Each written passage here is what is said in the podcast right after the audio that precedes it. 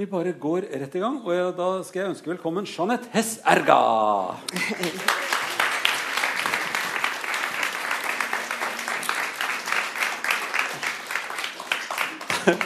Da ser det ut som vi ikke har truffet hverandre når vi hilser på hverandre sånn. Vi har jo snakket sammen, selvfølgelig. Jeg vet jo ikke hvem hun er ordentlig. Men uh, jeg har truffet deg en gang før. Ja, Ja. det har du. Sånn at vi kjenner hverandre bitte litt mer. Um, vi skal snakke om det rare ved å høre. Kan du si noe om hvordan øret virker? Vi, sier litt, vi vet jo hva som er ytterst. For det er disse flabbene her på hver side.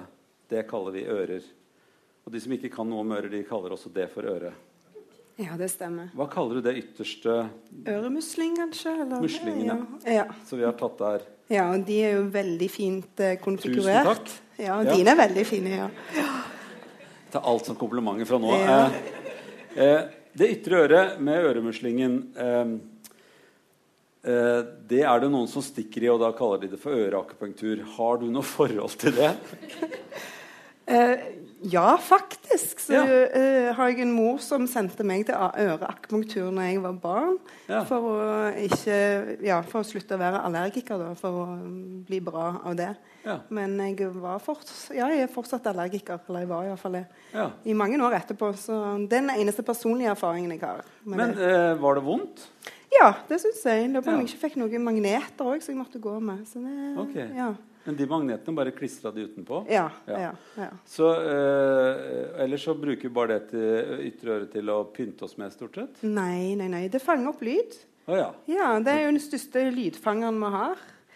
Den- Lydfanger? Ja, på en måte så er det det. Altså, du, den bruker det òg til litt retningshørsel når den er sånn krumma. At du fanger, altså Lyden kommer ovenfra, så fanger den lyden og bringe lyden inn i, den ytre øret. Så det ytre øret er med på å gjøre lyden forskjellig foran og bakfra? Ja, har en funksjon til det, ja. Ja. ja. Og det er derfor han ser ut sånn som han ser ut. For å fange lydbølgene, samle de, og så få de inn i øregangen. Så man, når vi vipper eh, og ja, Mange gaper også litt når de skal høre godt etter.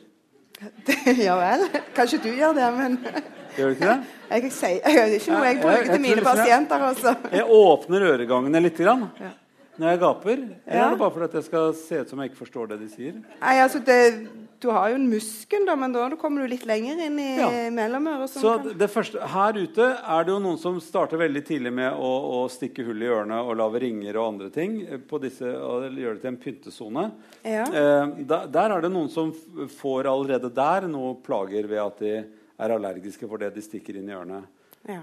Eh, og så blir hele øret fullt. Det blir vondt og hovent og, og fullt av flass og alt mulig rart. Ja, men Det ser jo grusomt ut. ja, ja. Jeg ja. hadde en datter som hadde veldig lyst på hull i ørene. Og Ja. gjett hvordan det gikk. Og det var ikke noe gøy. Var det ikke? Nei, Så da hun ønsket seg enten hull i ørene eller hest. Så Så da kjøpte du hest? Det var derfor vi satte hull i ørene på henne. Det gikk jo ikke bra. Men eh, så Der har vi en allergisk mulighet. Men så går du videre innover i øret, og, og der har du en øregang. Ja. Eh, hvor lang er den omtrent?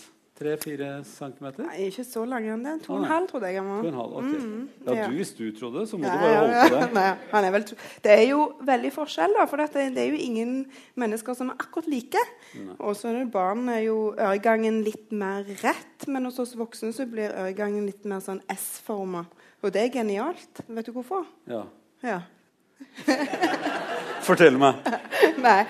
Nei, det er fordi Hvis det, du får et rett objekt, si en strikkepinne eller eh, Jeg hadde en festlig pasient en gang som hadde sånn eh, eh, Og disse her kjeks Sånne lange, tynne kjeks.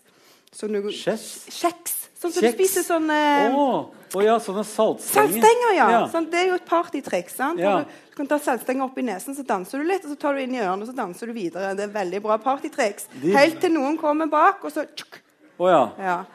Og dytter de Og innover. dytter det innover, ja. Ja. Da er det ikke så kjekt partytriks lenger. Men det som er bra når da øregangen er S-forma, da er det at denne saltstengen treffer trommehinnen på et sted som ikke er så farlig. Så Mm. det skader ikke så masse, da. Så hvis du har noe, er på party med noen som har saltstenger i øret, som Ja. partytriks, Ja. så må du huske på å slå nedover. Ja. Husk på å ikke Ikke slå. slå det inn. Nei. Nei. Nei. Eh, da har vi lært det. Det er jeg veldig glad for at vi har lært. Eh, Noe som ligner på saltstenger, er jo sånne q-tips. Ja. Eh, og det er egentlig et veldig dårlig tips å Ja. bruke dem i øret. ja. Så det er ikke et q-tips engang. holdt jeg på å si. Åh, eh, det, er, det er et dårlig tips. Ja, det er et dårlig tips. Men hvorfor gjør folk det? Det vet jeg ikke. Noen vil jo kanskje synes at det er deilig, men det er jo egentlig ikke noe en skal gjøre. For det er jo egentlig bare å stappe ørevoksen lenger inn i Ja, øret. det er jo det du gjør. I grunnen, Du får ut litt sånn at den ser litt gul ut, så er du litt sånn happy, men egentlig så går mer av ørevoksen innover. Eh, lengre inn mot trommehinnen. Og, og det med å ta vekk overvoksen òg. Den skal jo være litt sånn, den er litt, fett, litt fettsyrer og litt, eh, har litt sånn antibakteriell eh, virkning òg, for pH-en er litt lav. Så det, du tar egentlig vekk en sånn beskyttelsesbarriere inni øret. Mm. For det er også sånn Når det, det er litt sånn fettaktig, så er det òg for å hindre flyvende objekter å komme Flyvende objekter. Flyvende objekter, ja. Så alt, alt være seg sånn bitte små eh, Ja, ting som flyr. Eh, Fluer eller Jeg har, natt, jeg har hatt en pasient med nattsvermer en gang, og det var fryktelig, ja, fryktelig ille. For du holder jo på å bli gal. Sant? Ja. Hadde han hatt masse ørevoks, hadde han aldri kommet inn. men får man en nattsvermer inn i øret? Nei, jeg vet ikke. Nei, Det kan ikke jeg som barn forstå engang. Altså, alt man putter opp i nesen min. Jeg vil aldri prøve nei, men noe kan fly inn, vet du. Oh, ja. Det flyr inn. Og hvis du da har ørevoks som er litt sånn eh, Men det blir jo litt, litt sånn fluepapir, egentlig. Så det klisser seg litt Ja. fast. det. Ja, ja, ja. Okay. For hvis du kommer inn på trommehinna, så, Ja. så ligger det og irriterer på Ja, det må være grusomt irriterende. Men altså, mellomøret, eller denne, denne gangen som går da inn til mellomøret, den kan man jo også få litt eksem eller betennelse i og få Ja. vondt i. Ja. Så man kan jo ha en kvise inni der, eller alle ting som, som kan skje på huden, kan jo skje inni øret også. Mm. ja da, du kan få hudlidelser inni øregangen, for det er jo hud som er der. Så du kan få eksem. Og hvis du da klør veldig og kommer da enten med q-tipsen eller strikkepinnen, eller hva du måtte ha, så skaper du òg grift i huden, og så kan du få infeksjon. Og det kan være ille. Det kan være kjempevondt. Ja, så da, da har vi én ting også som man kan få gjort noe med uten at det er noe egentlig veldig gærent. Man kan rett og slett få reparert det eksemet eller, Ja. eller det riftet med noen salve osv. Du, Så kommer vi til den spennende delen. Nå er vi, nå ved vi 2,5 cm. Det går fort her, altså. Inn i øret. Og der eh, er det en trommehinne ja. som, eh, som skal ta imot vibrasjonene, altså oversette disse vibrasjonene i luften til å forsterke det inn i det indre øret. Men der er det altså en veldig rar ordning, syns jeg. Nå har jeg lært at det er tre småben inni der. Hvorfor i all verden er det tre, hvorfor er det ben? Fordi de leder lyd godt. Så bed leder lyd bedre enn luft. Eh, nei, men de overfører lydtrykket bedre. Altså de, det er et amplifiseringssystem. Du har en hinne, og så går eh, En stor hinne, og så oss, får du trykk hører, over hører dette på radio. Så det er en trommehinne, Ja. og så sitter det tre ben fast i den på innsiden. Ja. Så den trommehinnen, når den rister, så rister de bena be, eller forsterker ja. lyden? De forsterker lyden. De okay. amplifiserer lyden. Og det har òg med ledd og deres oppbygning hva beina å gjøre. Ja. Men den oppfinnelsen, det, har vi arvet noen andre dyr først? Da, som har noe, noen andre ben? Er det noen som har flere bein enn oss, f.eks.? Og det vet jeg ikke. Nei, for du er ikke biolog, så du, Nei. er, du vet ikke mer enn det. Okay. Ok, Så vi holder oss til disse tre bena, som eh, Ikke noe flere spørsmål om dem. De er der fordi de er der. Eh, og det er smart, eh, og det fungerer. Så vi tar ikke de bort.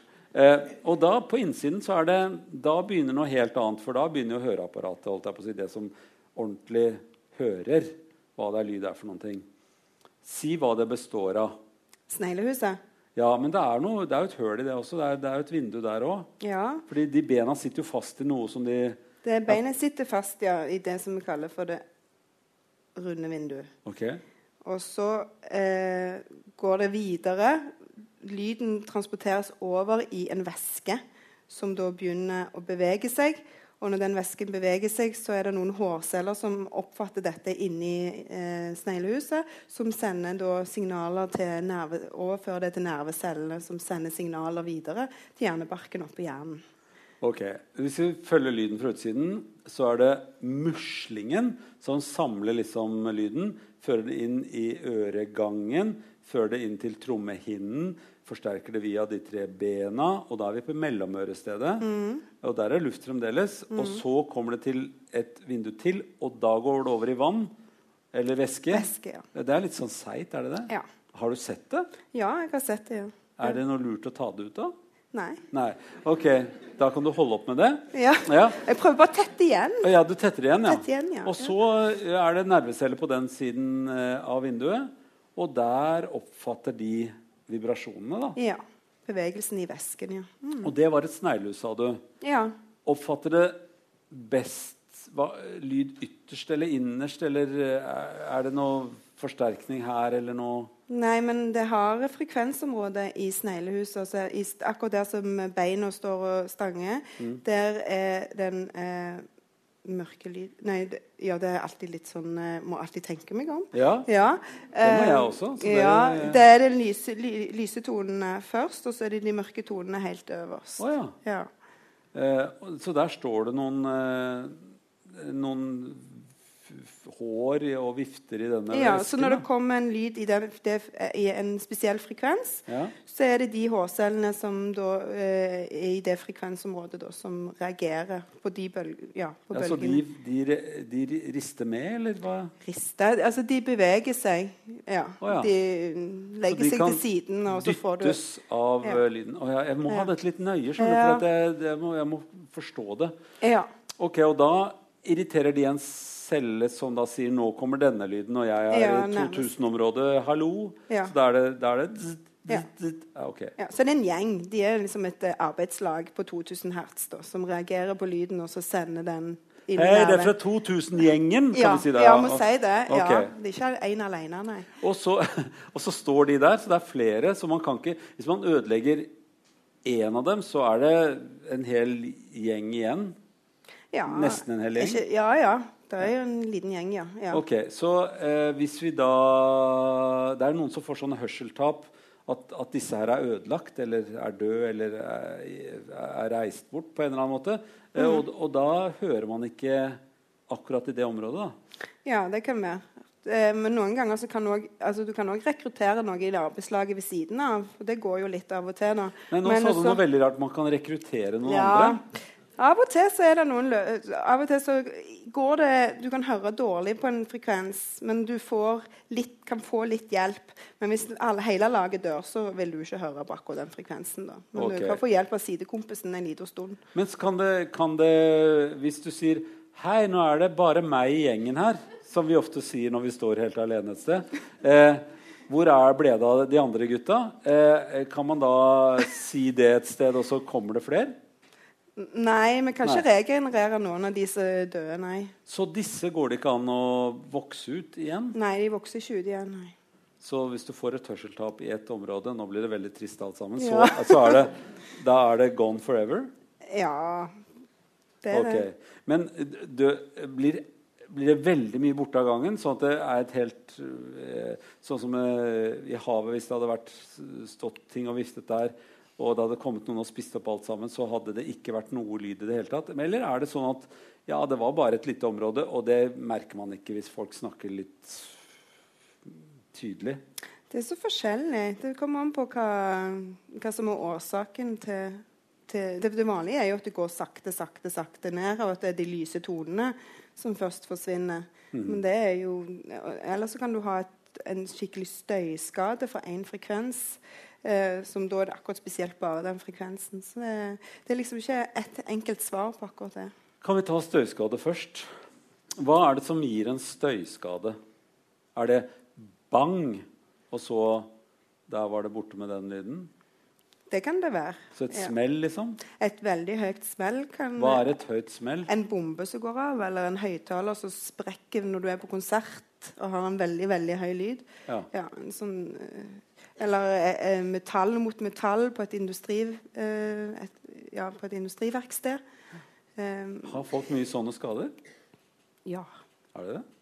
ja jeg, jeg syns det er mange som har støyskader. Er det noen som kan få sånne støyskader av å høre på musikk? Ja, altså det, det, jo, det er jo kjent at musikere òg, både de som hører mye på musikk, og musikere, kan få støyskader. Men det har jo med hvor høyt du hører på, og hvor lenge du hører på. Ja. Og så har det litt med hvor mye smell det er i musikken Mm. som du hører på. Så hvis det er glidende toner, så uh, da er det ikke stor skade man kan gjøre? Ikke hvis du hører på, eh, på, på et normalt nivå, men det er nivå òg. Men det er jo, altså, eh, disse fiolin som spiller fiolin, de har jo fiolin helt oppi øret. Ja. Eh, bli, kan man bli døv av det? Ikke døv, men du kan få støyskade ja, fra den frekvensen eller, ja, i de lyse tonene. Mm. Sier du det? Eh, så det er altså litt verre å ha en fiolin helt inntil øret enn å høre på popmusikk? Det er det jeg nå prøver å si. Nei. Nei. Nei, igjen, det har med hvor lenge du er eksponert, hvor mye du spiller, og hvor høyt du spiller. Okay. Ja. Så det, det er ikke noe ordentlig svar på det? Nei, det er ikke, ikke det. Eh, Ok. Barn, eh, er det sånn med, med barn at de, eh, de hører en spesiell frekvens bedre? Altså hører de Bare tenk på, De har mor og far. Hører de mor bedre enn far? Det vet jeg ikke helt, men eh, en kan tenke seg når babyen blir født, så får alle litt sånn lys stemme når de ser en baby. Men jeg, når jeg fikk barn, jeg fikk ikke noe tydeligere stemme. og lysere stemme. Fikk du sånn mørk? Ja, men altså, Du sier at man snakker til barn eh, sånn kulturelt. kulturelt med sånn 'Hallo, er det deg?' Nei, nei, Nei. men du, nei, nei, men du ser kanskje digge, digge, digge, Du er litt lys. Litt grann lys, men jeg vet ikke om det er noe forskning på det. Men jeg tenker at de hører eh, Har ikke du lagt merke til at de Nei, jeg, snakker jeg litt gjorde omvendt. Jeg tenkte at uh, de vil jo like veldig godt at jeg er mannen her, så derfor snakker jeg sånn. Så- sett, ja, ja, ja. Og derfor får de ligge helt inntil meg og kjenne vibrasjonen av den sterke stemmen. Ja, ja. Men eh, det er ikke sånn damer sier 'nei, det er mye hyggeligere hvis du prater Ja. litt sånn'. Det synes jeg. Blir, blir, blir, blir barn roligere av, eh, av damestemme, altså høye frekvenser? Nei, det vet jeg ikke. Det ikke- Vet du ikke? Nei, akkurat det vet jeg ikke. Så om der de kan man velge selv hva man syns? Ja, det, det tror jeg. Ah. Så fremmede damer som sier 'dikke, dikke, dikke', dikke de, de skal man si være- ja, 'ikke snakk sånn dritt til barnet'. ja, ja, det kan Ja, det er lov? Ja, det er lov. Oi, oi, oi. Nå åpnet du et veldig stort, vanskelig kammer, merker jeg. Eh, eh, det der med å høre dårlig kan altså da være forskjellige ting. Ja, nå har vi snakket litt om eh, sånn eh, at det kan være ting som er kommet i øregangen. Det snakket litt om i stad. Og det kan være en ordentlig hørselsskade. Men for barn er det veldig ofte at de har betennelse i det som heter mellomøret, der hvor de tre bena er. inni det området Der Der går det også en sånn liten kanal ned til nesa, har jeg lært meg. Eh, det, du må si ja, for ellers Ja, ja, ja, ja, han heter Øretrompeten. Trompeten Ja. og en snegle og en musling. Ja, det er veldig gøy. Det er Så veldig trompeten der i midten Ja. eh, den, eh, Der kan man jo få dotter i ørene når man er ute og flyr, og Ja. man kan få ørebetennelse inni der ja. ved, med verk og ting. Mm. Hva, hva skal man gjøre for noe? For at jeg hadde mye da jeg var barn, og jeg ble stukket hull på trommehinnen, som det het. ja.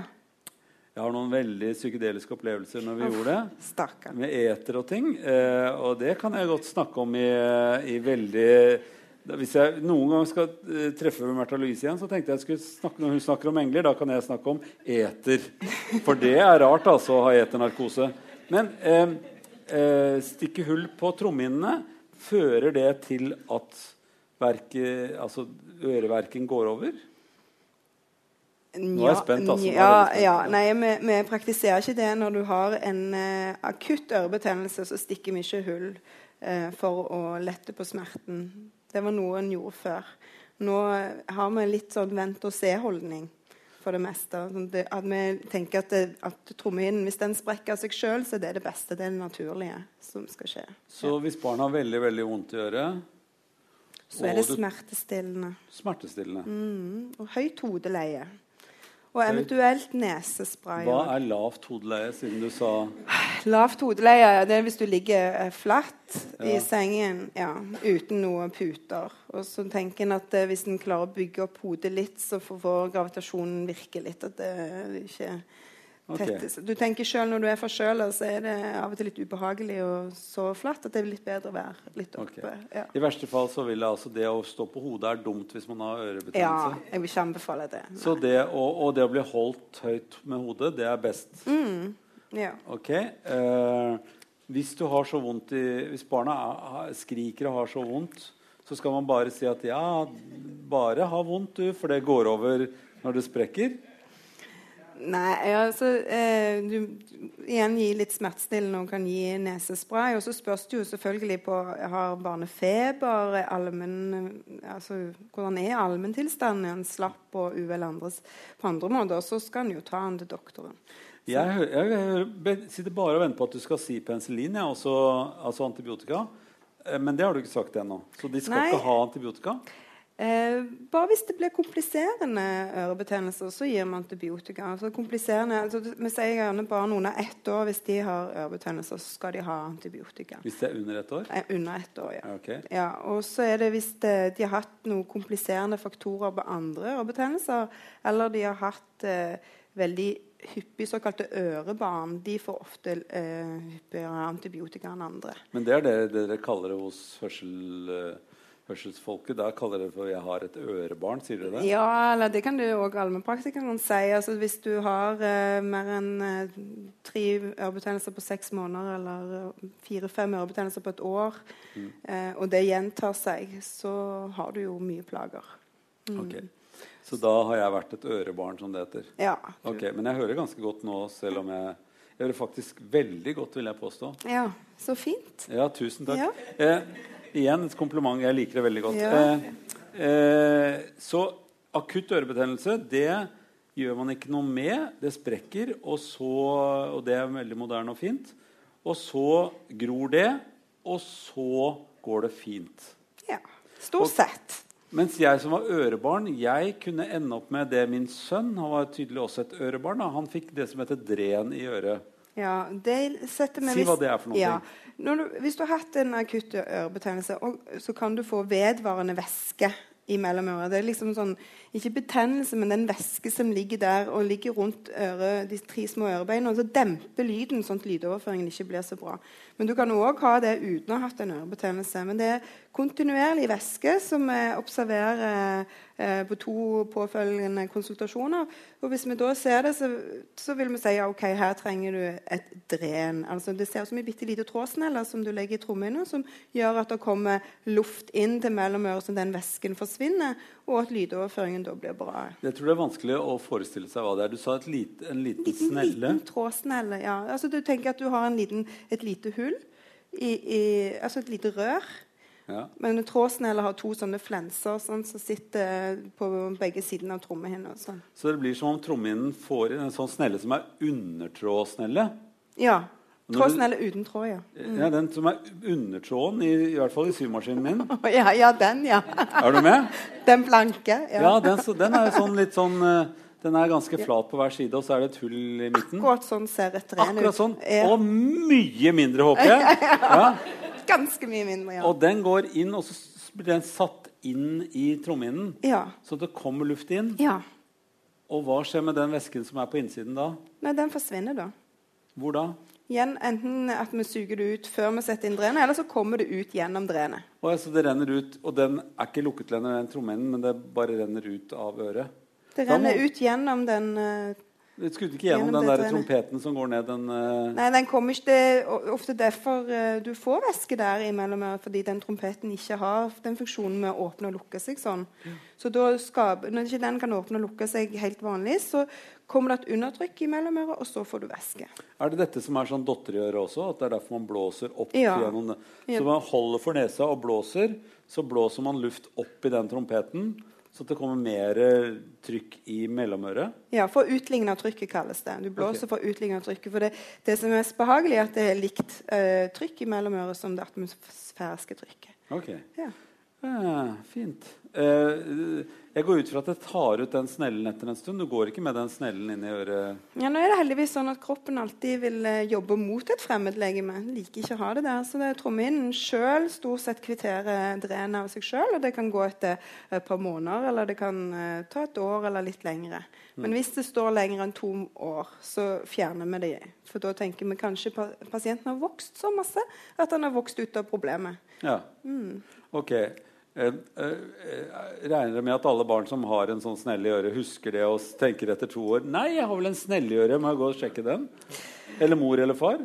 Eh, nei, vi har de til kontroll. De, Ja, okay. de skal gå til ørene. Så halslege til det? kontroll. Ja, en, ja, det er vi som husker på det. Ok. Hva kan man ikke gjøre når man har en snelle i øret? Ja, det vet jo alle. Ja. Det er å dykke. Altså bade og dykke hodet langt under vann. Det, å få vannet inn i mellomøret, det er smertefullt. Ja, ok. Ja, så da For de som ikke dukker, så gjelder det også for badekar? Nei, for badekar så Det er litt individuelt. Noen tåler fint å bade i badekar uten å få problemer, men andre igjen kan få, lett få infeksjoner. Så jeg pleier å si prøv, prøve seg litt fram, forsiktig. Ja. Ok. Men ellers så finnes det jo fine badepropper en kan ha i ørene når en bader i badekar. Ah, så det Hvis- kan ørepropper også brukes til? Ja, altså, ja, ja, Å stenge silik- ute vann? Ja, stenge ute vann også? ja. Goodies. Em, men eh, nå er vi ferdig med det som er ubehagelig ved å, å høre, da, hvis man får plage med det. Eh, hva kan man si om hvor eh, hørselen For det man hører, det er jo stort sett bråk og at folk snakker og sånt noe. Og det gjør oss til noen spesielle dyr, at vi oppfatter at folk snakker. For vi lager jo snakkelyd selv, så jeg kan høre hva du sier, og du forstår meg omvendt. Men det aller gøyeste med lyd er jo alle de andre lydene. Tenker sånn musikk, f.eks.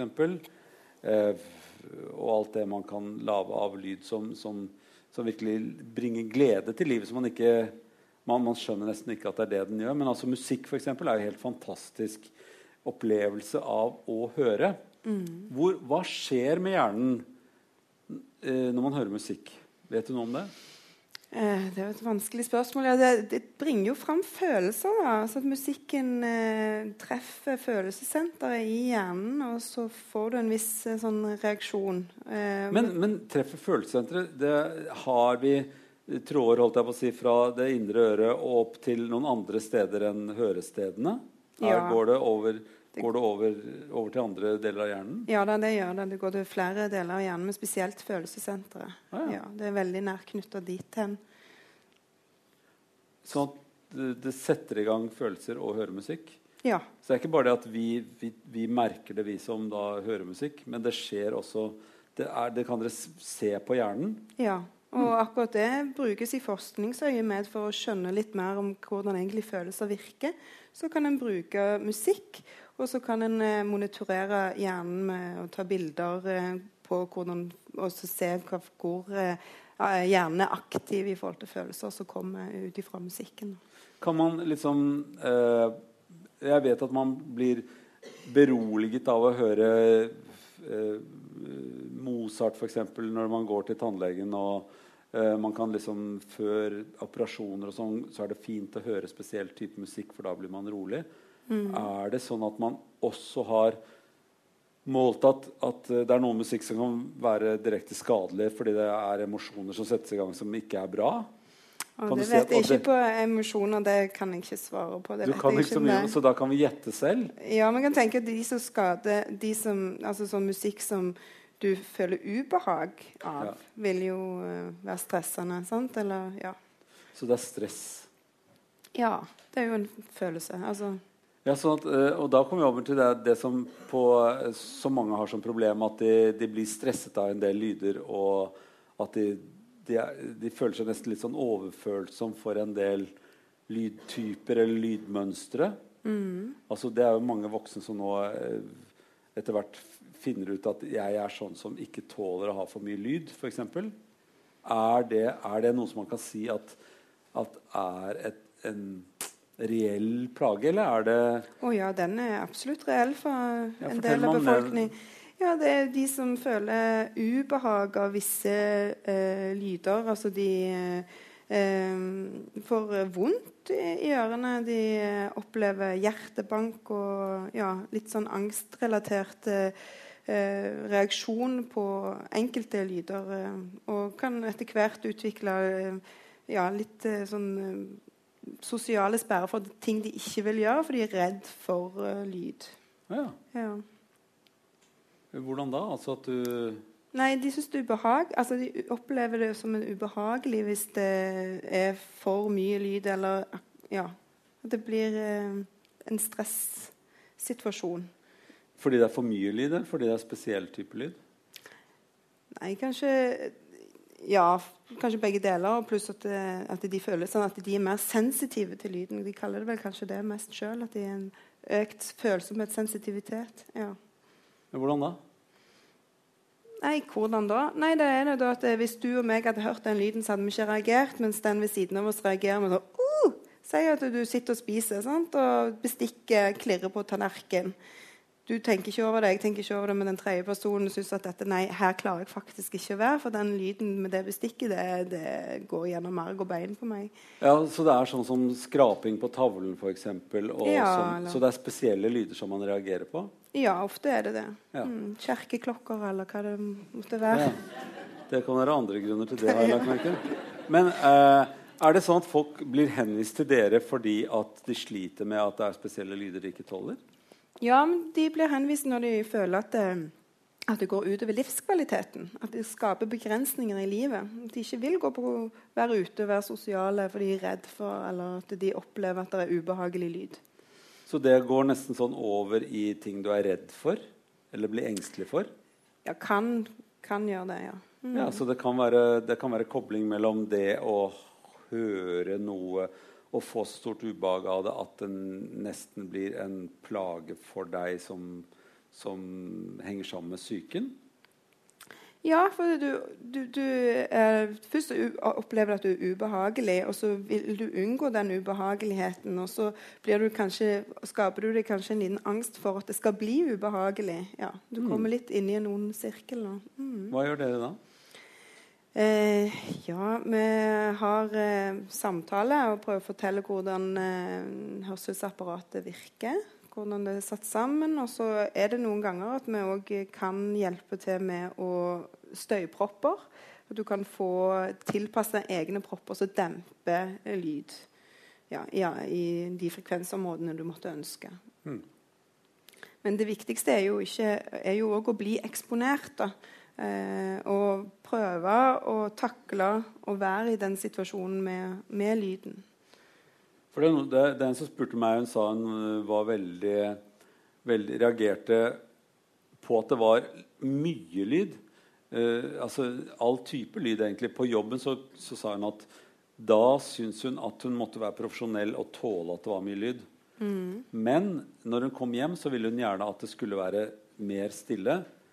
Eh, og altså mente kanskje hun var lydsensitiv. Altså hadde det som om Akkurat som folk er ikke tåler å ha for mye kaldt vann på hendene, eller tåler ikke å ta i varmt, eller altså andre typer sensitivitet. Mm. Fins det som en sånn en reell ting som man kan si Å ja, du er lydsensitiv, Ja, ja, overfølsomhet for lyd er en diagnose hyperkuses etter det. Så det Ja. stemmer, det. Ja. Ja. Men det har jo òg med på noen ganger hva yrke en har. Hvor mye lyd er det på jobb? For det, før, før så var det sånn at okay, du hadde et støyfullt yrke, og så gikk du hjem, og så var det stille. Men nå er det jo veldig mye bråk hjemme òg. Altså, det er jo ofte mye lyd på på TV-en. Du har iPaden, du har musikk på, og alt dette her. Men, men uh, hørselsorganet det trenger pause. Trenger hvile innimellom. Så, eh, så hørselen trenger også pause fra, oh, ja. Fra lyd. Ja. Det, det er jo Stort sett så bruker man jo søvn liksom til all sånn type generering, men du mener også at det er akkurat som man ser på masse ting, så, så blir jo hodet fullt av alt man har sett. Store opplevelser. Men altså at, det, at det kanskje er hos noen som har fokuset på at man hører så mye at det blir, at det, at det blir for mye høring.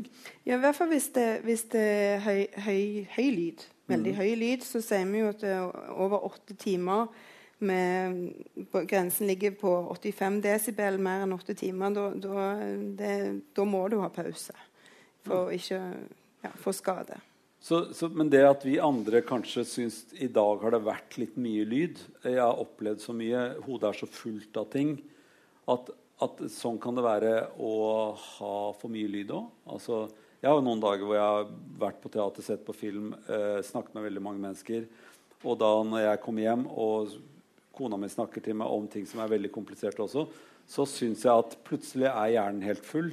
Ja. Altså at da må jeg nesten uh, Du må ha en timeout. Ja, Ja. rett og slett ha det stillere. Ja. At hjernen har for, for mye, og at det fins sikkert en søppelkasse et sted som jeg kan gå og kaste oppi, men Mm. uh, jeg kan ikke tømme hjernen min. Nei. Uh, hjelper det da å ha stillhet, tror du? Fins Ja. det noe sånt Nei, stillhet, men i hvert fall at det ikke er er at, at det er lav lav musikk, da, eller lav Ikke sånn veldig høyfrekvent eller høy, eh, høy intensitet. da. Men er det noen som reagerer på det motsatte? Eksempel at det ikke er noe lyd i det hele tatt? For at når jeg er på fjellet, og det er vinter, og det er snø, da hører jeg ikke elven lenger. Og da hører jeg ikke fossen. Og når jeg går ut da midt på natten for å tisse, f.eks. Det er ikke så mye annet jeg driver med om natten enn det. Så er det så stille at jeg tenker Er det ikke noe her? Er, det ikke, er verden borte? For det, det er så stille at man kan ikke høre noe lyd, og alt er litt sånn dempet av snøen. Og da tenker jeg sånn eh, Sånn må det være å være gal, at det ikke er noe lyd i det hele tatt. Når man kan Ja. høre. Ja, det Er det veldig privat for meg, syns du? Nei. Jeg syns det var et vanskelig spørsmål å svare på. Ja. Jeg vet ikke hvordan Ja, jeg vet jo ikke hvordan eh, Men har, har dere noe sånn at Nei, ja, det er også et problem at det ikke er noe lyd? Nei, jeg har ikke vært så mye borti det. Nei. Nei. Så du syns det bare er deilig? Du har ikke, gjør, gjør ikke deg noen tanker når det er helt stille? Jo, jeg syns det er kjempedeilig når det er helt stille. Har du hatt på sånne klokker på ørene hvor du, hvor, som egentlig er for demping av smell, f.eks.? Mm. Og så har du dem på deg på steder hvor du, du ser at folk snakker, men du hører ingenting? Mhm. Har du gjort det noen gang? Ja. Gjør det deg ingen tanker om at jeg hører ingenting? Jo, jeg gjør jo det. Ja. Ja. Men du er ikke sånn som problematiserer ting, merker jeg. Nei. Du bare tar av deg klokken og så tenker Ja, ja, nå hører jeg igjen. Ja. ja. Det er fint. Ære være deg for det. Det er fint. Men for fordi når man ikke hører noen ting, f.eks. når det skal legge seg om natten, eh, og tenker nå blir det stille, nå hører jeg ikke noen ting, da kan man f.eks. høre at jeg har et organ jeg plutselig hører, nemlig hjertet. Eh, og det er det noen som også syns er en problematisk tanke. At skal jeg høre dung, dung, dung, dung, dung, dung, og så prøver man å finne et annet sted hvor det altså da snur seg litt, mener jeg. jeg ikke fikk et annet sted hvor det ikke man hører hjertet sitt. Nei. Men det å bli gjort oppmerksom på at det er lyder fra kroppen eh, at, at, at man lever, rett og slett. Ja. Eh, ja, Det er fint. det er fint. Ok. Så dette, dette var sånn for filosofisk halvtime, merker jeg. Det var ikke, ikke Nei, gå men- til legen din med det, nei.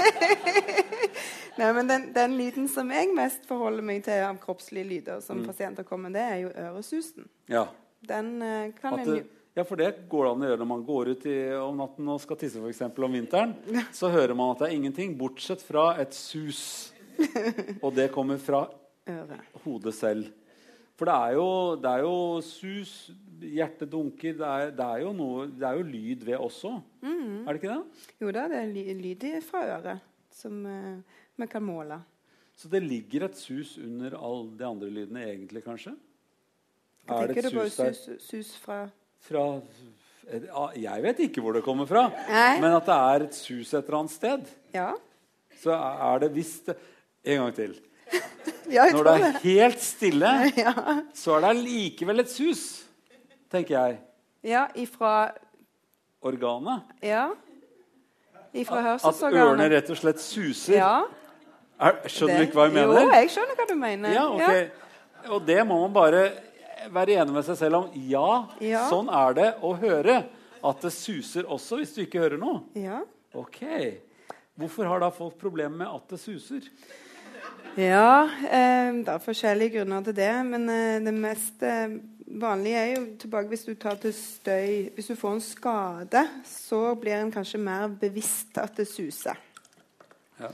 Og så er det gjerne òg eh, i sammenheng med og, eh, stressituasjoner og sånn, så kan en oppleve at susen øker i intensitet. At du blir bevisst susen. Og så, tenk, og så eh, kan, hører du at den er veldig irriterende og plagsom, og så blir du litt stressa, og så blir den enda mer høyere, og så blir du enda mer stressa, og så blir du liksom en liten sånn eh, fiende, da, denne susen. Så blir Ja. Så da kan det være at eh, en, en lyd som faktisk er der når, hele tiden, en slags bunnlyd eller et, et sus, forsterkes av at du tenker for mye på det. At funksjonen, det at jeg har en hjerne, forstyrrer rett og slett den funksjonen at det er et lite sus der også? Ja, noen ganger kan du nesten Ja, si det. så man kan, Ja. man kan være med på å produsere eller gjøre sterkere en ting som ikke behøver å være så stort problem. ja. Fins det da en behandling som gjør at man ikke får det som problem? Eh, en kan aldri love at eh, susen går vekk, men eh, en eh, tenker at en kan lære seg tanketeknikker der at du kan redusere fokuset og redus tenke på andre ting eller fokusere på andre lydkilder, og dermed klare å redusere lyden på susingen. Men å få den helt bort, det kan vi ikke. Nei, altså jeg har jo også et sus i bunnen hvis Mm. jeg tenker meg veldig nøye om. Eh, er det sånn at man også kan høre andre kroppslyder? Kan man høre blodtrykk f.eks.? Kan det suse mer hvis man har høyt blodtrykk? Eh, det, det kommer litt an på eh, hvordan eh, ka, karene går anatomisk, rett og slett. Det er noen som har eh, noen blodårer som ligger veldig nært hørselsorganet og, og nært i det mellomøret. Og de hører ofte altså pulsen. Pulserende øresus kalles det. da. Så, men det, det er ikke alle som har. Det er noen. Ja, Og det behøver ikke være så plagsomt hvis man går i eh, og får en, en hjelp med det? Tenkte du på det pulserende nå? Ja, jeg tenker på alt som er sånn forstyrrende ved hørsel, som, som bare er sånn. Ja, at det, ja, det hjelper jo å lære seg litt om hvordan øret er bygd opp, og finne ut at det ikke er noe symptom på noe farlig. da. At det, det er veldig viktigste. Å bare slå seg til ro at det, ja, sånn er det. Vil det hjelpe f.eks. å høre, høre på litt musikk og ha musikk, Ja. så da får man fokuset vekk? Ja, jeg pleier å si altså, Finn det som, er, som gir deg en positiv lydenergi. Altså det som, er, som du føler bringer deg noe bra, framfor å sitte og høre på dette susingen som du opplever som et negativt lydinntrykk. da. Men disse her som da sier de er veldig lydsensitive, kan det være noe i familie med, med dette her? her? Ja, det er jo flere som har øresus som òg er lydsensitive. Så det, de er nok beslekta, ja. Mm. Men skal vi putte bare det i en egen pose og si at ja, sånn er det bare? ja. Det er jo kanskje litt enkelt å gjøre det, men uh, Mm. uh, det er veldig plagsomt for noen. Det er det.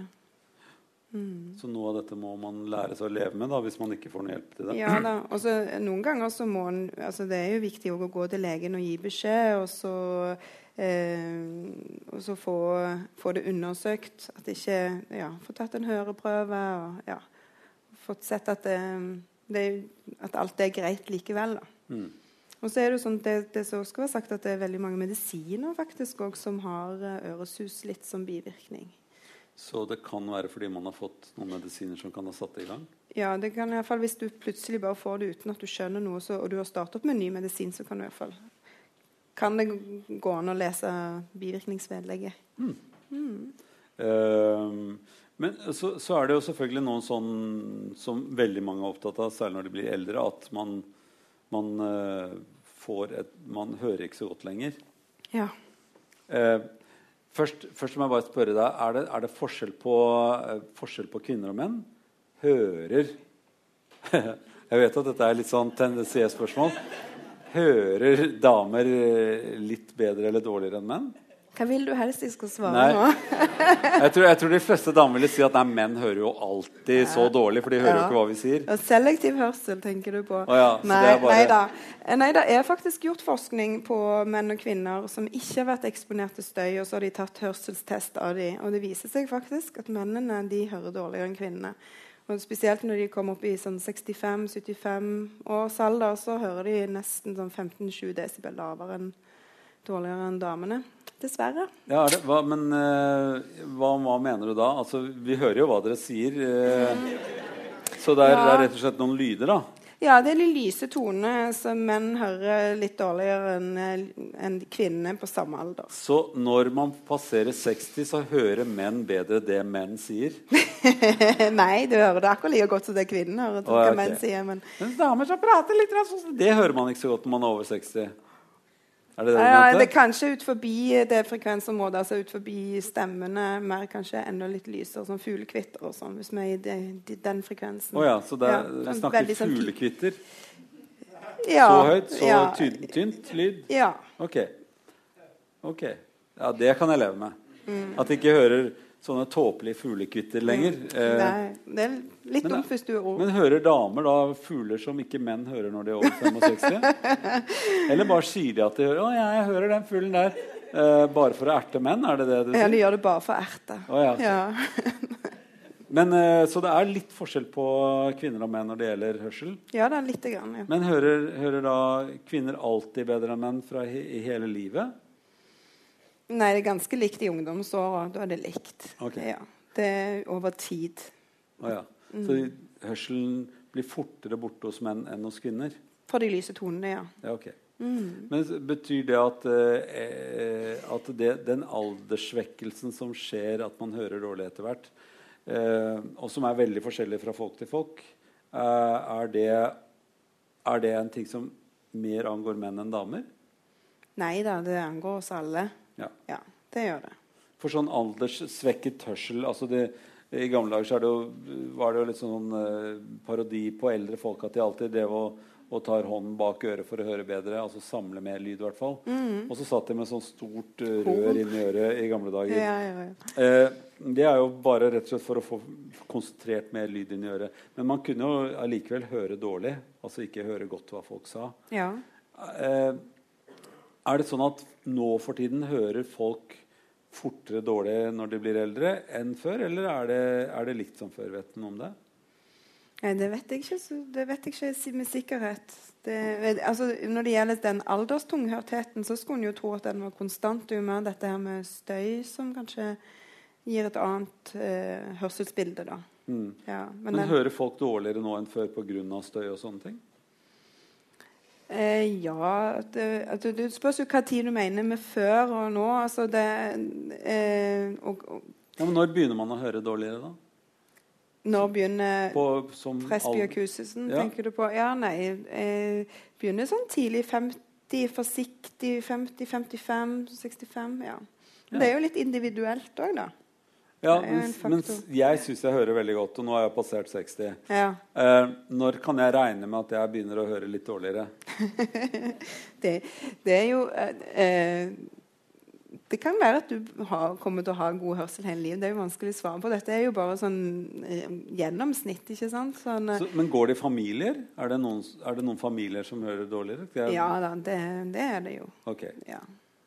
Eh, og fordi jeg har jo truffet mennesker som hører ganske dårlig, syns jeg, og som ikke bruker høreapparat. Eh, hvordan skal man få sjekket om, man er sånn som kommer til å høre dårlig? Eh, nei, altså nå, Bør, bør Hvordan du skal sjekke? til Altså Genetisk veiledning, tenker du kanskje Nei, nei, på? Nei, tenker, tenker jeg egentlig bør, Når bør man gå Akkurat som man bør gå og sjekke synet og, og ved en viss Ja. alder. Når bør man gå og sjekke hørselen? En bør jo gå og sjekke hørselen når en syns at en har plager med hørselen. Ofte så kommer en og sjekker hørselen fordi koden har klaget på deg. Ja. Ja, sant? Ja. Og da er du, eh, det er jo greit å få konstatert hvis du har bra hørsel, for da kan du gå hjem og se, se det kan være det jeg sa. Ja. Men eh, de som kommer da og har redusert hørsel, som ikke sjøl kommer til timen fordi de sjøl syns de har et problem, de er jo ikke klar for å begynne med høreapparat. Men den gangen du føler at nå sliter jeg litt. Mm. Eh, nå vil jeg sjekke hørselen, og så får du påvist et hørselstap, så er det veldig smart å begynne med høreapparat. Men de, de, de som eh, For det første sa du nå liksom indirekte at det er bare menn som, eh, eh, som ikke hører dårlig. Eh, Nei da. altså, så, så damer har jo også det samme, at de, de hører ganske dårlig når de kommer opp i alderen. Hvis de Ja har da. det som eh, problem. Eh, men de, de, det her er det noe veldig rart, for vi som da bruker briller, vi syns jo ikke det er noe flaut å gå og sjekke om vi trenger briller. Nei. Altså, Det gjør folk stort sett ikke. De har det en ny pyntegjenstand de kan pynte i ansiktet. Men når det gjelder hørsel, så går jo ikke folk for å sjekke hørselen fordi de tenker Nå skal jeg få meg et høreapparat. Det blir gøy. Nei, ikke det er rart? Vi skjønner ikke, Vi har det jo i alle farger. Ja, Og det er jo ikke noe hørselsapparat. Det er jo ikke noe moteting. Eh, hvorfor eh, vil ikke eldre folk bruke hørselsapparat? Jeg tror det er mer eh, at du, du har denne her med at du, da du blir gammel, at det fortsatt sitter litt i at det er liksom gamle folk som går med høreapparat. Mm. Og det stemmer jo ikke. Det er jo folk i alle aldre som går med høreapparat. Og nå er de mye mindre synlige enn det de var før. Eh, så det er ikke så stigmatiserende mange ganger du ikke kan se det engang. Så det er bare å sette i gang, syns jeg. Ja, men når, når skal man begynne med det da, hvis man hører litt dårlig? Jeg hører, jeg, de begynner jo med at de klager på NRK at folk snakker ikke så tydelig på radio Ja. lenger. Og, altså, det er jo da det begynner. Ja. Jo før, jo bedre. Ja, men Hvis, men du må være motivert. Hvor, hvor, hvor, hvor tidlig? Hvor tidlig? Men det, det er jo så Er det så individuelt? Ja, det vil jeg si. Jeg kan ikke si nå alle sammen som 65 år må komme og få høreapparat. Det kan jeg jo ikke si. Det, Nei. nei. Det, det, du må jo være et hørselstap som vi finner med å ta en høreprøve. Og så eh, må du sjøl synes at du har et problem. Men det, det, det, sånne apper fins jo for mobiltelefoner hvor man kan ta hørselstest. Mm. Eh, så slipper du å få en tilhørselstest som du ikke trenger at er der. Er det, altså, hvis man tar en sånn app og sjekker den, så er det nok? Nei.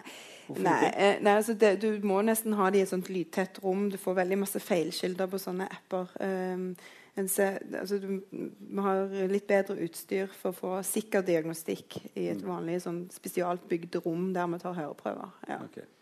Og hvis du da eh, hører reduser, har redusert hørsel, når vil du si at folk bør begynne med høreapparat hvis de har det? Skal de bare begynne så fort de kan, Ja, eller skal de vente? Nei, vi, pleier å si hvis du, eh, hvis du føler sjøl at du faller utfor og, i sosiale sammenhenger, og at du eh, ja, blir sliten når det er mye lyd eh, fordi du må konsentrere deg sånn for å få med hva som blir sagt, så er, er du klar til å begynne med høreapparat.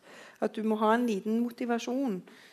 Eh, hvis, du, hvis, det, hvis ikke motivasjonen er der, og at du ikke føler du har problemer, så blir de liggende i nattbordskuffen. Ja. Det er min erfaring. Mm. Mm. Fordi at, eh, ja, den svigermoren er jo ikke hun her lenger, så nå kan jeg si det. Altså, hun er jo eh, dratt over til den andre siden, som det heter. Og det kan vi også snakke om med Märtha Louise en gang. Men eh, det Hun, hun, eh, hun syns ikke hun hørte dårlig. Eh, Og hun trengte absolutt høreapparat. Men hun syntes det var så klønete, og det pep og tulte. Hun fant ikke ut av det. Det var så klønete. Eh, Og egentlig tror jeg at hun begynte med det for seint. Ja, det er mye mulig. Ja, ok. Hører du det? Ja. Eh, ja. Ja. Nei, det er jo klart at det er greit å begynne tidlig med høreapparat og bli venn med høreapparatet, sånn at du får benytta deg av det. Ok. Eh, eh, det er også veldig rart at høreapparat det er gratis, eh, mens synsapparat, som jeg har, som heter briller, det er fryktelig dyrt. Ja, Hvorfor er det, hvorfor er det sånn? jeg vet ikke. Jeg har alltid lurt på hvorfor vi betaler så mye hos tannlege, men legen er ganske billig. Det er noe Det er bare sånn Helse Norge er lagt. Det er noen Ja. byråkrater, jeg vet ikke. Så har bestemt at sånn er det. Eller, Men det er bra for oss som driver med hørsel, da, at høreapparatet gratis. Dekkes eh, nytt høreapparat hvert sjette år. ja, Det er fint. ja, det, ja, men samtidig er det dette rare med pengene, syns jeg. da. Ja. Jeg har ikke Hvorfor skal det være så veldig billig å ikke høre godt, men det skal være så veldig dyrt å se ganske dårlig? Eh, og man, eh, ja, det jeg, Er det ikke et rart spørsmål? Det er da veldig snodig. Eh, nok om det. Men eh, kanskje det skulle vært eh, koste litt å ha et høreapparat også, tenker jeg. Nei, jeg tenker heller du må promontere for eh, brillene bedre eh, rimeligere. Ja, vet du, Det er så mye brilleforretninger også. Det, er, jeg, det blir jo ikke akkurat nedrent av sånne høreforretninger rundt omkring. Nei. Ja, virkelig. Nei, det er jo det. ja, ikke noen steder Man kan få hørselstest hvis man ikke melder seg på og leter og får tak i deg, f.eks. Mm. Det er vanskelig å få tatt en hørselstest. Men eh, nok om det. Det går altså an hvis man går til en, eh, en hørselsspesialist. Ehm, så kommer jo eh, når, man blir eldre Jeg må bare spørre om det. For at eh, eh, Jeg vet ikke om du kan om det, men jeg syns det er så spennende dette med at nå har de tatt bort eh, den, den derre eh, Hva heter det? Kulturelle eh, hørestokken, holdt jeg på å si. Altså, hva kaller de det for noe? Spaserstokk eller, eller rullator, eller hva det er for noe. Den kulturelle rullatoren, tror jeg vi kaller det. Fordi at, eh, med at eldre folk eh, trenger musikk eh, og opplevelser, de også, og kan ikke komme seg ut av en del institusjoner selv, eh, så trenger man jo musikk. Og så har man oppdaget at musikkterapi, altså det å bli sunget til, er like bra for eldre folk som det er for yngre mennesker, men er veldig lite eh, satt fokus på. Hva gjør dere som driver med hørsel? Vet dere noen ting om at eh, musikk eksempel, er veldig bra for eldre? Musikkterapi er veldig bra for demens osv. Eller har det gått noe inn i det? Nei. nei men... Hvorfor ikke det? Det må jo være veldig spennende? Ja, det er jeg enig i. Men ja. vi, vi, opplever mer at liksom, pasienten kommer og har et hørselsproblem og ønsker hørselsforsterkning. Vi er liksom ikke på Vi drar ikke ut uh, på sykehjemmene. Nei, Det skjønner jeg, men, men, dette er jo musikk, og det er glede og alt det der. Er, ja, ikke, er ikke dere opptatt av det, dere som driver med hørsel? Jo da. Ja. Men mer på det private planet? Ja. ja okay. ja. Men kan, ok, Da lar vi men, det ligge litt. Grann. Eh, men har... i høreapparatene det kan jeg jo si, så det fins det egne programmer som er musikkprogrammer. At du kan stille inn sånn eh, høreapparat hvis du vil lytte på musikk. Så er det egne sånn musikk. Og så er ikke høreapparat med musikk i? Nei, det er det ikke. Men du kan koble de opp til telefonen. sant? I, iPhonen din, og så kan du spille musikk på den, og så får du inn. Det går. Ok, Det er ikke, tror ikke jeg er så lett for folk som er over 80 år å koble Nei, få, det er det ikke. Men... Så jeg ikke får printeren min til å fungere, og jeg er passert 60. eh, eh, kan ikke du fortelle meg hva som er det hotteste når det gjelder eh, forskning rundt hørsel? Det hotteste må jo være det å forsøke å få disse hårcellene til å regenerere seg sjøl. Det er jo det som jeg ønsker. Sånn Hva mente du med det? Nei, Når de hårcellene dør, sant, så, ja. så, er de liksom døde. Ja, mens, andre celler, ja, ja. Altså, mens andre celler i, i, kroppen, sånn som hudceller, sånn, så når hudceller dør, så kommer det nye hudceller. Sant? Så da er tanken på kan vi gjøre noe sånn å få disse hårcellene til å vokse og gro igjen og komme seg i live igjen. Det er det forskningen eh, er litt retta inn på da. Hva er det man har tenkt å gjøre da? Nei, det er forskjellige teknologier, men det er jo en blanding med genteknologi og nanoteknologi. Og uh, forsøke å implantere kanskje noe sånn uh, stamceller da, uh, inn i, ja, inn i sneglehuset og se om de kan få hårcellene til å regenerere seg. Mm. Det gjøres jo på sånn dyreforsøk nå. Det er jo ikke gjort i noe menneske ennå. Mm.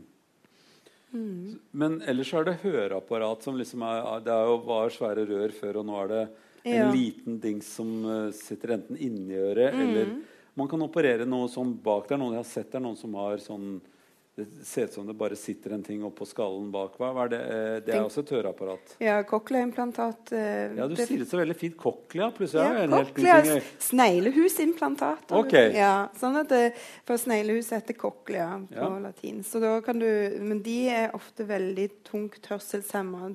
Til døve, vil vi kalle de. Mm. Eh, hos voksne så er det ofte det at de har utvikla en døvhet. De var normalthørende, og så har de mista gradvis hørselen. Så da eh, opereres det inn en sånn elektrode som legges inn i sneglehuset. Og så ligger implantatet ligger like bak øret, og så har du denne her eh, apparatet som du setter på via, med hjelp av magnetisme. Så da sitter det en sånn magnetting sånn, uh, som man har på kjøleskapet. Ja. Der sitter det en sånn bak mm. øret. Mm. Og så den har kontakt med et eller annet som er operert inn i øret? Ja, stimulerer nerven, da. Som forsterker lyd, eller oversetter lyd, eller hva er det dette apparatet gjør? Altså det apparatet som er på, det fanger jo opp lydbølger. Sånn, så sender det inn i den elektroden, som da stimulerer direkte på nerven. Som da respondere og sende lyd. Eh, sende, sende denne her eh, nerveimpulsene videre til hjernen. Ja. Så det er, det er, et annet høreapparat enn det som man har inn i øregangen? Ja da, det fungerer på en helt annen okay, måte. Så dette er mer sånn for døve eller for svært tunghørte, eller hva, hva det ja. heter for noe? Svært hørselshemmede? Ja. Uh, det som sitter bak med en sånn magnet? Ja. Er det... Er, man blir altså sånn redd er, Kan man ikke komme bort til det? Eller detter det bare av da, den der høreapparatet? Eller Kommer man borti noe som sitter fast inni øret og er operert? Eller fortell noe om ja. det. For vi som ikke driver ja. med det, vi lurer jo på hva er, kan man detter det av, eller ødelegger man det? Eller ja, altså drar kan... man med øret ut av øret? Ja, nei, det er veldig snilt. Altså, den mag magneten kan du stille på, da, hvor kraftig magnet du vil ha hvor hardt den skal sitte på. Okay. Men det gjelder at den ikke skal sitte for hardt òg, for da kan du få vondt gnagsår. i huden. Gnagsår. Ja. Trykk, så, så, du må finne en gyllen middelvei. Og så han er sånn, det er akkurat sånn en litt sånn kraftig magnet på kjøleskapet, så du må ta litt i for å ta den av. Okay. Og så, så, suger han seg fort på. Så du bør ikke være redd for å klemme folk som har høreapparat? Nei, du okay. kan gi en god klem. Men pleier du å klemme bak øret? Jo, ja, jeg klemmer hvor som helst. Jeg holder godt eh, klemme tafast folk. Du gjør det, ja? Ja, ja, ja, Har de en sveis, så vet man jo aldri hva man tar borti, selvfølgelig. Men, eh, men eh, ok, det er det høreapparatet som er bak. Det er de som hører ganske dårlig. Men de som har sånn høreapparat som man stikker inn i øret, eh, har de et annet type hørselstap? Da? Ja da. ja da. Vi prøver å eh, designe det høreapparatet til, til det høretapet du har. Så de som har den bitte lille, nesten gjennomsiktige slangen med en propp som passer til alle, de har ofte kanskje mer sånn alderstunghørthet. Ok. Ja. Eller bare lyse toner da, som de mangler. Ja, og så fins det jo andre forsterkningsting eller, eh, eller eh, eh, sånne ting man kan ha inni øret, som er f.eks. hvis du jobber i TV, så har du en sånn liten propp inni hvor du får beskjed fra kontrollrommet eller noe sånt nå. Eh, er det samme type apparat som de som henger bak øret? Eh, det er vanskelig for meg å svare på. Jeg er ikke så kjent med de som dere har i Nei, du vet selvfølgelig ikke noe om TV. Det er bare meg som vet noe om det. Men nei, det, nei, det, det, man, man, ser jo ikke Men fins det så små høreapparat for de som hører dårlig? Var det egentlig jeg hadde tenkt å spørre Ja, om? Altså, ja, det fins så små høreapparat at du bare har det i øregangen. Ja. Det gjør det. ja. Og de eh, kaller vi for sånn de, de, Da støyper vi av og lager et avtrykk da, av øregangen. Og Ja. så blir det spesiallagt til den personen som skal ha det apparatet. Som jeg gjerne har. hvis jeg kan, kan jeg må si at det er sånn man vil ha? Hvis man blir gammel og, og, og? Ja, men det, det, det, jeg aldri hvis du, Da må du være god i motorikken. Det er veldig viktig. Sant? For det er veldig lite, og veldig sånn skal du ha det inn. Så spørs hvor gammel du blir. Ja, okay. Ja, ja, er det sånn som med, med kontaktlinser at man må ta det ut om natten og sånn? Ja. Går det an å skifte, skifte batteri på så små ting? Ja, det er jo det, det, er det jeg mener. Du må ha god fingermotorikk for å ha så små apparater. For du må opp med batteriskuffen og skifte batterier. og Det er litt sånn uh, plundrete. Kan man ikke bare lage en ting hvor man legger den opp- oppå et eller annet, og så lader den seg opp? Jo. Jeg tror det kan bli framtida. Men akkurat sånn som det er nå, så med oppladbare batterier, så varer det ikke en, til et dags bruk. Men altså, vi tar jo og, og lader telefonen i løpet av natten. Mm. Og, Ja, jeg tror de jobber veldig masse med dette på forskningen på høreapparater for å få batteriene til lengre kapasitet og bedre lading. For nå Hvis du la, bruker de oppladbare batteriene nå, så virker de bare en halv dag eller ikke hele dagen. og sånn. Det er jo ikke... Mm. Du vil jo ha det på hele dagen. Ja. så mye det er å spørre om. Hvis man er komplett døv eller uh, er født døv, Mm. uh, har man et helt annet forhold til uh, lyd da enn enn hvis man er blitt døv? Er det sånn som med, med, at man kan tenke deg likt som med blinde eller svaksynte? ja. Det er forskjell, ja. Så man da er hjernen innstilt på at jeg hører ikke likevel, så jeg er nødt til for eksempel å lære meg tegnspråk? Ja, altså du eh, Er det, så, det jeg spør om er, jo, er det veldig forskjell på de som er født døve, og de som blir døve etter hvert? Tenker du på talespråk, eller tenker du, hva tenker du på? Jeg, Jeg, jeg er tenker på om, er, Lyd- om, om lyd Det oppleves veldig veldig forskjellig. Kjenner de noe lyd? Ja, altså nå, eh, De som er helt døve og ikke blir operert, mm. eh, de kjenner jo lyden i form av vibrasjon da, i kroppen, altså mørkere lyder og sånt. Men de, eh, de som blir døve etter hvert, de, eh, har jo en helt, de har jo hatt et normalt hørende liv, har jo en annen, eh, en annen opplevelse når de blir døve. Mm. Mm. Det med, med sånn med tale, altså døvespråk og sånt, nå, er det, er det veldig utbredt? Er det veldig mange som kan det? Ikke veldig mange, men det er en del som ja, praktiserer det, ja. Mm. ja. Okay. Det er jo ikke så veldig mange døve. altså Det er jo en liten gruppe, men eh, det, det er jo En kan jo lære seg det eh, mange steder. Og er en del som snakker det. Uh, ja. Jeg vet ikke hvorfor jeg begynte på det, men jeg, jeg syns det, det alltid er så rart. Noen ganger jeg er ute og snakker med folk, så er det en døvetolk. Og, og, det er fryktelig vanskelig å ikke se på hva de holder på med, for det ser kjempeimponerende ut, det de gjør. Men samtidig så lurer jeg på om de er akkurat sånn at de oversetter noe og ikke alltid alt. og har sånn følelse av at de gjør litt For noen ganger så ler de som er døve, og ikke de andre, f.eks. Og da har jeg sånn følelse av at nå er det noe internt de prøver å å vifte de med fingrene på en snodig måte som bare sier han er bare en tulling som står der og prater. Jeg forteller heller noe annet som jeg syns er gøy.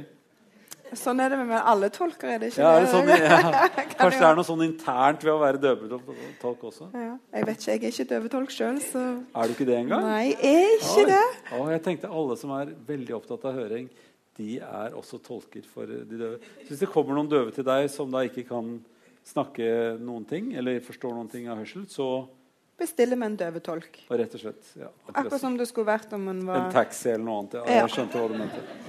Ja, men Så fint. Eh, jeg syns jeg ble litt klokere. Jeg vet ikke, eh, jeg fikk i hvert fall eh, opplyst en masse ting som jeg ikke visste at jeg kunne eller ikke kunne. Jeg, jeg uh, syns eh, dette her er eh, Det er liksom et eh, Man beveger seg i et landskap hvor det Enten så stiller man et altfor dumt spørsmål, sånn at eh, man virker dum. Eller så stiller man et veldig smart spørsmål som man lurer på hvor i all verden har du fått det der fra.